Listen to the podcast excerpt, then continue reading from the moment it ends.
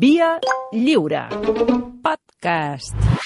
Au village sans prétention, j'ai mauvaise Ai, ai. réputation. Què? Je me démène Ai, ai. Bon dia. Què tal, Santi Jiménez? Què tal, Malcom Otero? Bon dia. Jo estic trinxat. Estàs trinxat, no? Sí, sí. Com va ser la tornada de Ceuta? Llarga. Llarga. Però no- I, no I va- a més, quan vaig arribar, no havia passat res a Barcelona. No, res. No. No hi havia hagut una detenció, un empresonament... Ah, Dani Alves. No passa nada. La porta en Piqué a la, a, a la Kings League. Efectivament, Hi ha, bon, efectivament. hi, ha, hi ha bon, bona lliga de futbol a la pres, intra presons? Sí. Mm? sí. Bueno, no voleu... De qui voleu parlar avui?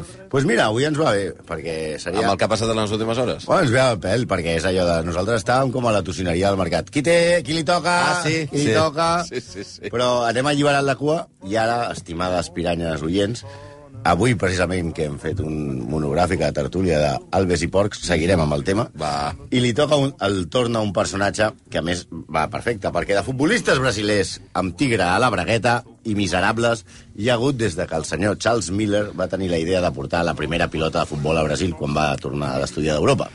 Axe- Aquest Charles Miller va ser el que ho va liar. El culpable. Sí. A veure, ens tornem a trobar, a aquest cas, un sobredosi de sucre, hipoglucèmia. Ja, al voltant del el comiat d'una figura Clar. internacional. A veure, i això que parlem d'un tio que va morir l'any passat. Bueno, home, però ja fa tres, fa tres setmanes. Bueno, doncs l'any passat. Eh, I hem tingut tres setmanes vomitives, no? I només hem sentit la cara A del disc. A veure, nois i noies de l'ESO que ens escolten. Disc. Cara A i cara B. Sé que no sabeu de què collons estem no, parlant. ja no hi ha cares. Bueno, Ara. eh, tenien dues cares i la cara B és una metàfora, que tampoc sabeu què vol dir. Així que ara que estem en temps de descompte, però encara amb opcions de canviar el resultat del partit, anem a explicar el que no us han explicat Ai, del ai, geni de ai, Tres Corazones, Ai, ai, ai. de l'exportista exemplar, de l'ambaixador de les Nacions Unides, de qui va ser anomenat oficialment per la ONU Ciutadà del Món, títol que ara aspira Manuel Valls. Membre a perpetuïtat del comitè de joc net de la FIFA. Ja, ja, ja. Ambaixador d'UNICEF. L'atleta del segle XX, segons l'equip. Una de les 100 persones, segons la revista Time, més importants del segle XX. El nen prodigi, l'heroi, el patrimoni nacional, l'ídol, el milionari. Vale, però també trepa, materialista, renegat, cara girada, fals, mentider, malpare, cruel, egoista, obsés sexual, estafador, amic de dictadors i corrupte entre els corruptes i, a més a més, maltractador. Hosti de Déu. Ha estat un micromachina tota regla, això. Ahí Molt està. bé, eh? Ho he posat en el WhatsApp a La doble mare, velocitat. la mare que... Un home modest que deia de si mateix amb 10 en 7 pilotes d'or i va especificar concretament les de l'any 58, 59, 60, 61, 63, 64 i 70 i que va afegir la frase que a la vida jo ho he fet tot, només em falta arribar a la lluna. Ojalà t'haguessis anat. Entre totes les definicions que li han dedicat i que s'han recopilat aquestes setmanes, hi ha una que a tots els obituaris apareix poc. La va dir Romario. Ai, Estoy cansado. què va dir, què va dir? Va dir... Deu ser bona, Va no? dir del nostre... Sí, molt bona. Diu, callat, Pelé és un poeta. Però quan parla, només surt merda. Hosti, això va dir Romario? Sí. Eh, avui surt al camp, després d'escalfar la banda a l'estil art de Turam, Edson Arantes do Nascimento, Dico, també per la família, o Rei, o simplement Pelé.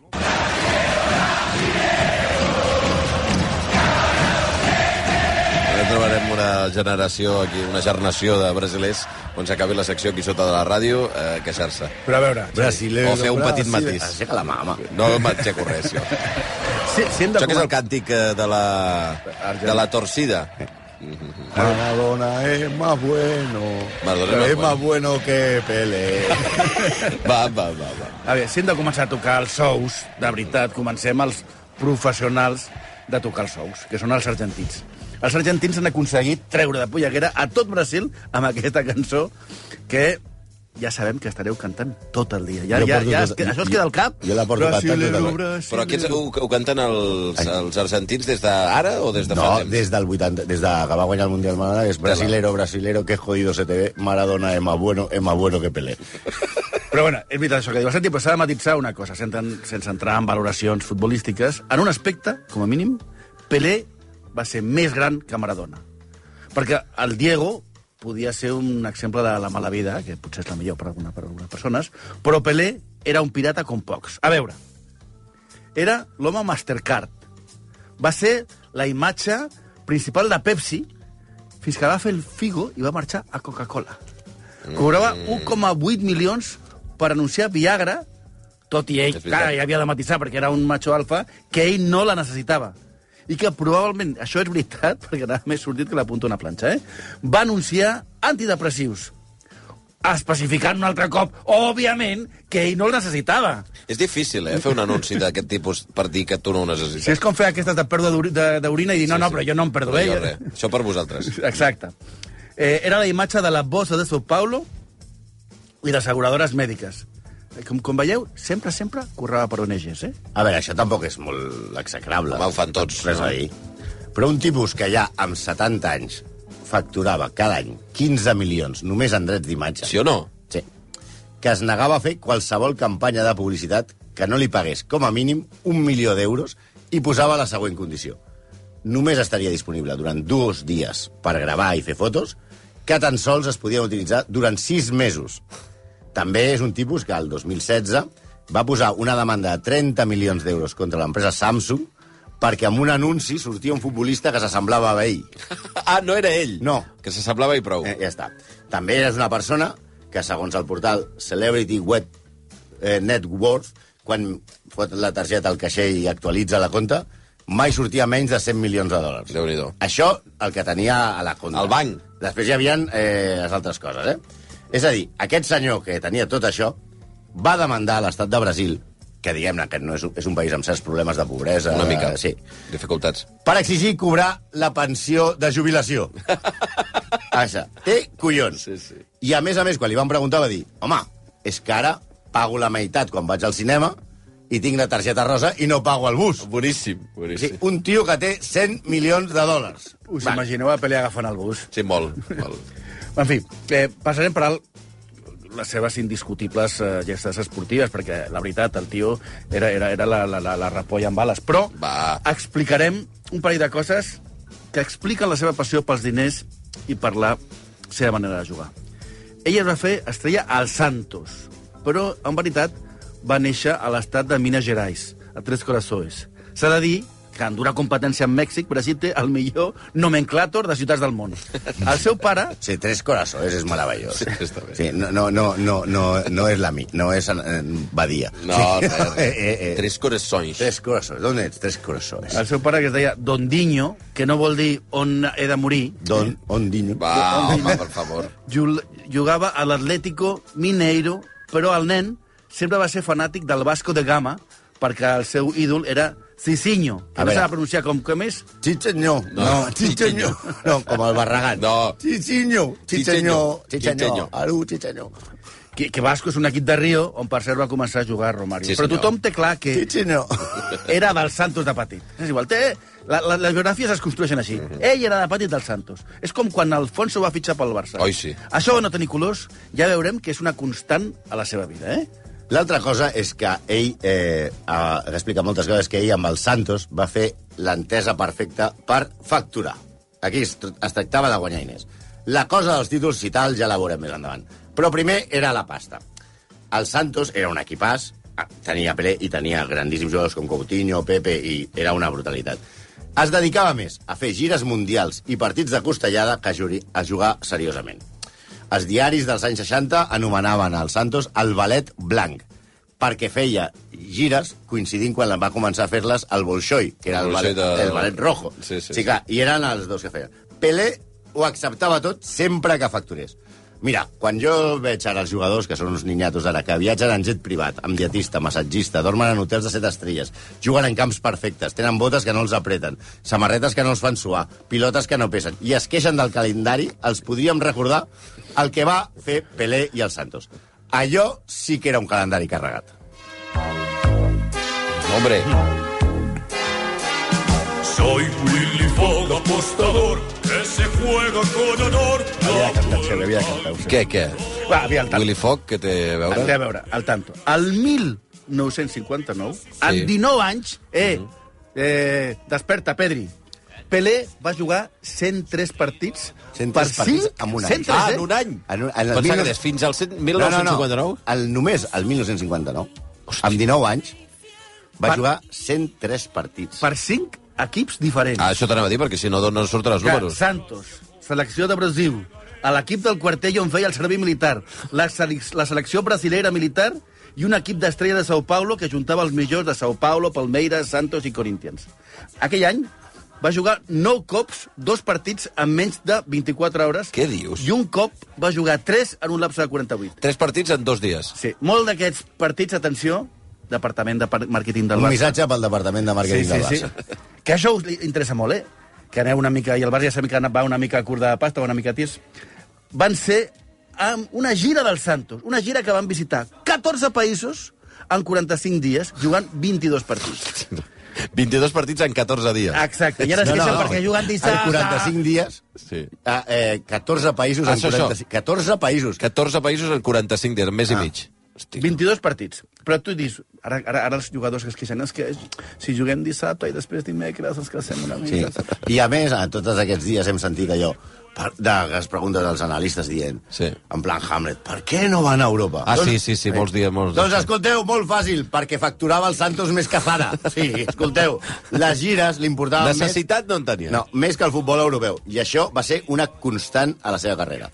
Ara us parlàvem d'una gira de l'any 59, però és que això va ser cada any. Per exemple, al 67, Sí. el Santos seguia munyint la vaca i va anar de gira a l'any 67, eh? A l'Àfrica subsahariana, Itàlia i Alemanya, tres països que queden allò bastant a prop, eh? Sí, dos anys després van fer una gira al Congo, que la va pagar el gran demòcrata Mobutu Sese Seko, ara ja Seso Seko, i a Nigèria, que aquell any no, especific, no s'ha pogut especificar quin, quin dictador tenia, perquè va tenir tres cops d'estat militar. En un any. En un any, sí. Queda clar que sempre ell anava on hi havia democràcia Sí, sí, i sempre. respectava molt els valors de qui el contractava. Moltíssim. Tot, tot i les gires, s'ha de dir que això, que un dia eh, li feien jugar al golf pèrsic i el dia després a Bèlgica, Pelé es va arruïnar i necessitava És caix. impossible, això. No. Sí, perquè era en aquell moment del futbol, tampoc es pagava tant, Ja. i aleshores... Tenia quan- moltes despeses, com veurem I, sí, sí, i gastava una mica, sí. I moltes criatures. És aleshores quan rep quatre ofertes, diguem-ne, d'això d'allò serioses. Mm -hmm. Juventus Sí. i Real Madrid Oi! li ofereixen 15 milions de dòlars en aquell moment. Vull dir, 15 milions de dòlars ja és, és una xifra d'ara gairebé. Eh, el Milan se suma a la subhasta i l'Amèrica de Mèxic trenca la Guardiola. Però ell es decanta, per- es decanta pel New York Cosmos, Ah, sí, sí, és veritat que va jugar allà. que li ofereix una pasta inhumana i, i sobretot, li accepta tots els seus capricis. Imposa el seu amic, Julio Massey, com a preparador físic i demana ser presentat oficialment al Club 21 de Nova York. No a l'estadi, no. No a... No, no. A la discoteca. Exacte. Però eh, és un local que ja està tancat, però que era un bar clandestí que el 1930 va, es va obrir va, i va donar de sopar als presidents dels Estats Units i s'ha tajat allà gent com Hemingway, Marilyn Monroe, Sinatra, tots els mafiosos de New York del, de l'època daurada del, de la màfia i que va ser on Dalí es va presentar, que és molt famós, amb un salot. Vale, era, eh, ell va dir, on et vols que presenta? Al camp? Tal? No, al Club 21. Club 21. Que No és el pilla- Sutton, pilla- eh? Sí, no, o sigui que tenia reservats també i coses d'aquestes. Tot i aquesta presentació de luxe, el seu rendiment al Cosmos va ser més aviat discret, per no dir horrible, fins que no li van fitxar Beckenbauer. Això sí, es va forrar un altre cop com?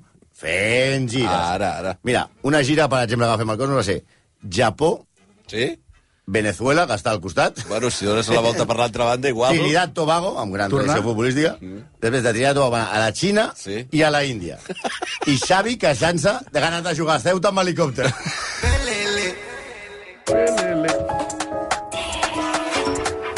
Aquesta ruta no hi havia manera d'arreglar-la, eh? O sigui, penses, no. vas d'aquí a allà, no, no. No, no, eh, ¿cuánto pagan? Sí, anem. Impossible. Diu, que s- sortien de Trinidad Tobago i deien, a la Índia, diu, vinga, agafem l'helicòpter. Bueno, el que queda clar és que, és que era una màquina de, de forrar-se, diguem. Era una màquina de fer diners. Però el més greu arriba en la seva posició política i com es va mostrar sense cap vergonya, tot i que després, com hem dit, és un especialista en canviar les versions, eh, en un còmplice fonamental de la cruel dictadura del general i criminal eh, Emilio Garastuso, Medici, que va ordenar la tortura i assassinat dels opositors al règim.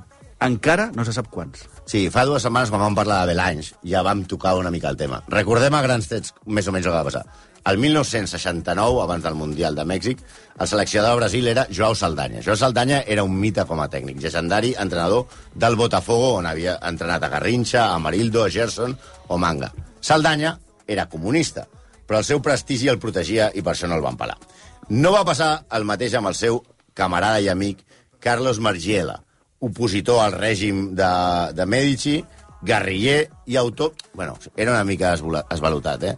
Eh va ser l'autor d'un llibre titulat Minimanual del guerriller urbà. Hosti, però... No seria el sèrio? llibre sense un paper a terra i de la revolució dels somriures. És un altre tipus de... Ja. Eh, Margiela va ser assassinat per forces paramilitars a finals de l'any 69 i Saldanya, dues setmanes després, eh, que els tenia quadrats Saldanya, havia d'anar a Mèxic a participar al sorteig del Mundial que es feia.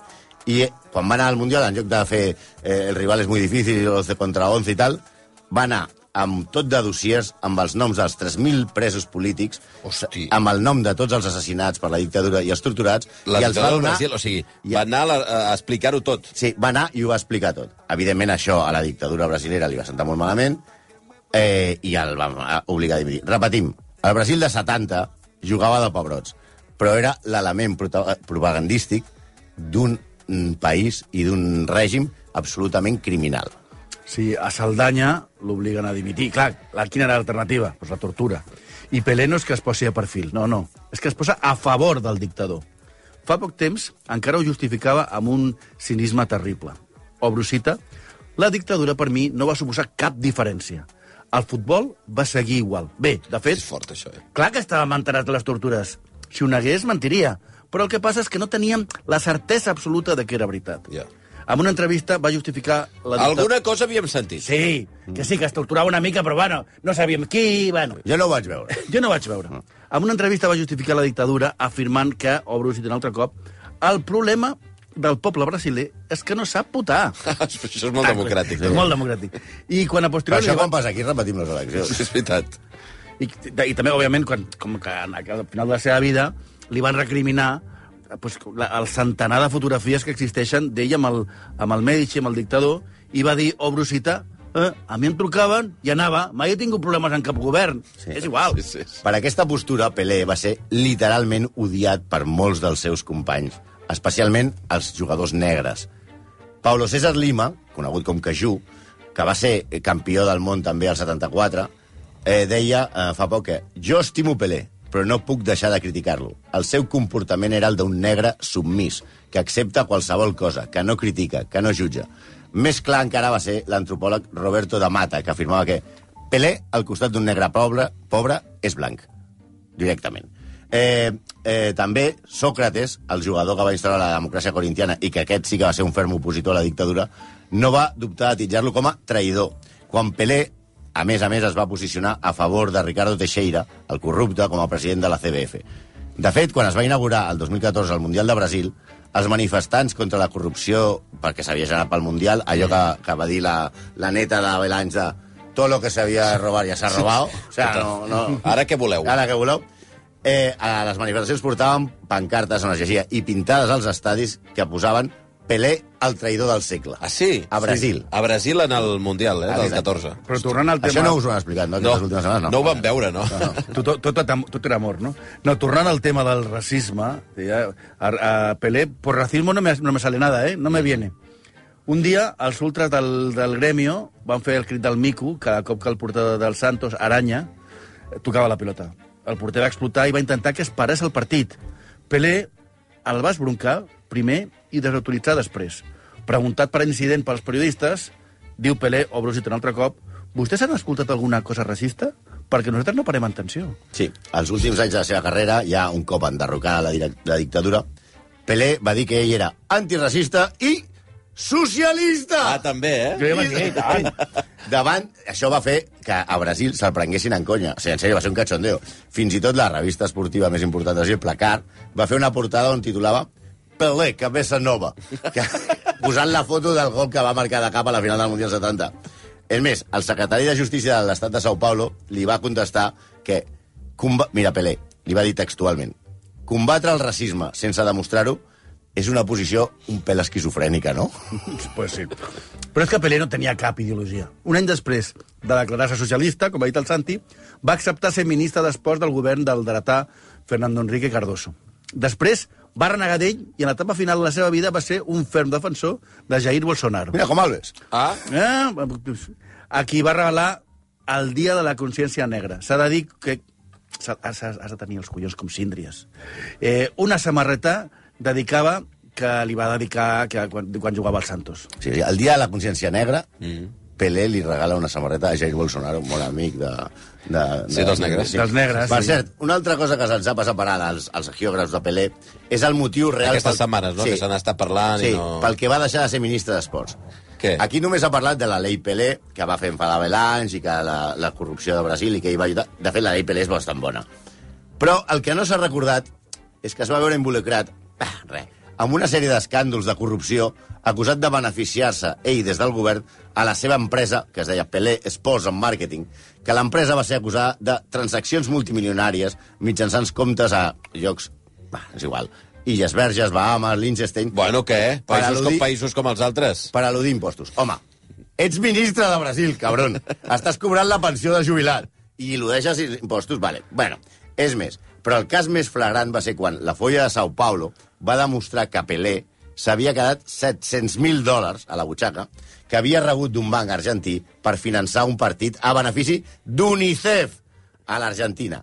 Aquí Pelé va estar a punt de pringar perquè va ser un escàndol terrible. Però què va fer? Va culpar el seu soci, un senyor que es deia Elio Viana, que és que va anar a la presó. De fet, l'especialitat de Pelé, realment, sobretot amb les dones, i anem ara amb el tema, és la bomba de fum.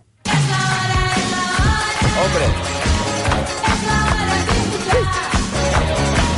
Hi ha algú que ha preguntat si la foto que heu penjat de, de Pelé era la Xuxa. evidentment. Evident. És la Xuxa, eh, aquesta? Òbviament. Ah, val, val. Aviam, aviam, és que anem a posar tot una mica més en context. Si Pelé, moralment, en el tema polític era impresentable, i en l'econòmic, un corrupte, en les seves relacions personals va ser, com, com diria, un miserable en majúscules.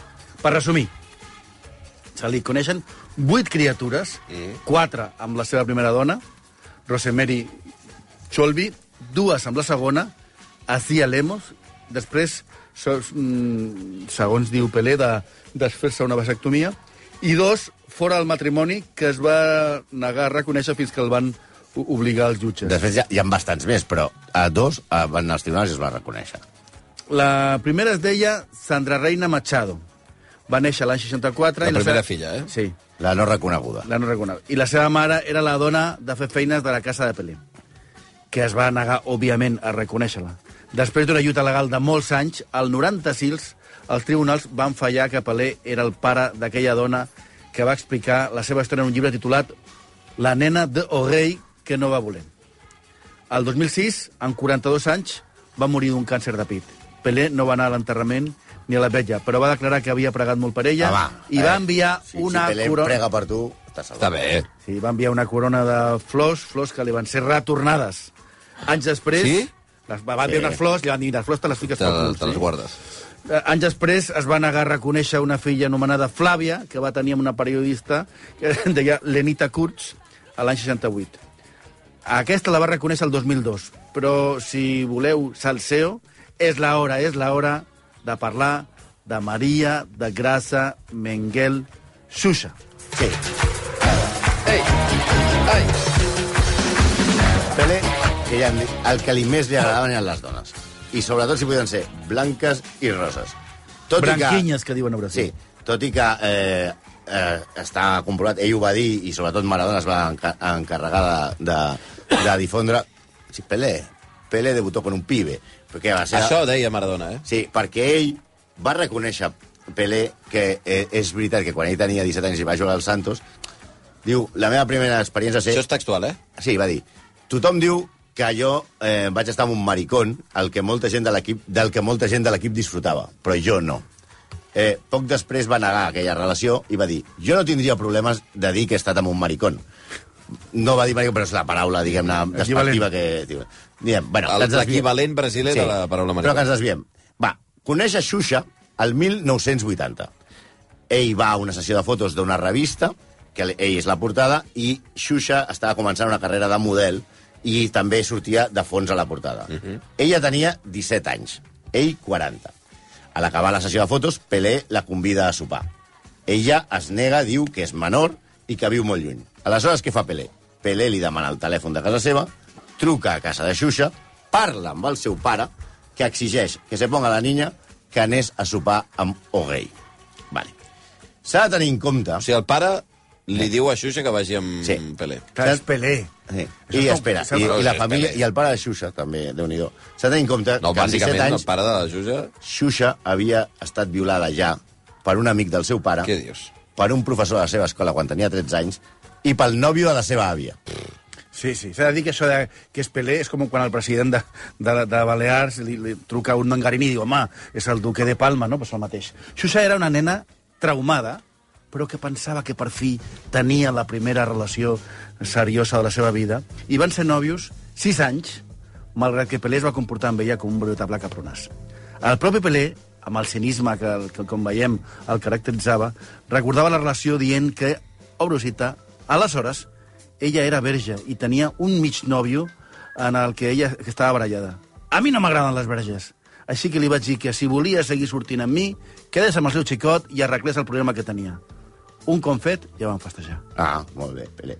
Maco, Xuxa eh? era un trofeu més per Pelé, i ella va trigar a donar-se de que era la dona més enganyada del planeta. Xuxa, a les seves memòries, explica. Quan em venia a veure, sempre venia amb marques de pintallavis a la boca. Em va enganyar massa fins al punt que les seves amants molts cops estaven sopant a la mateixa taula que jo Què? i, i tothom ho sabia, menys jo, Oi, oi. que era jove i inexperta. I em creia totes les seves mentides. Naturalitzava les seves traïcions i em deia Xuxa, totes les dones del món volen estar amb Pelé i menteixen. I els seus ami els amics de Xuxa li deien com pots estar enamorada d'un porc com aquest?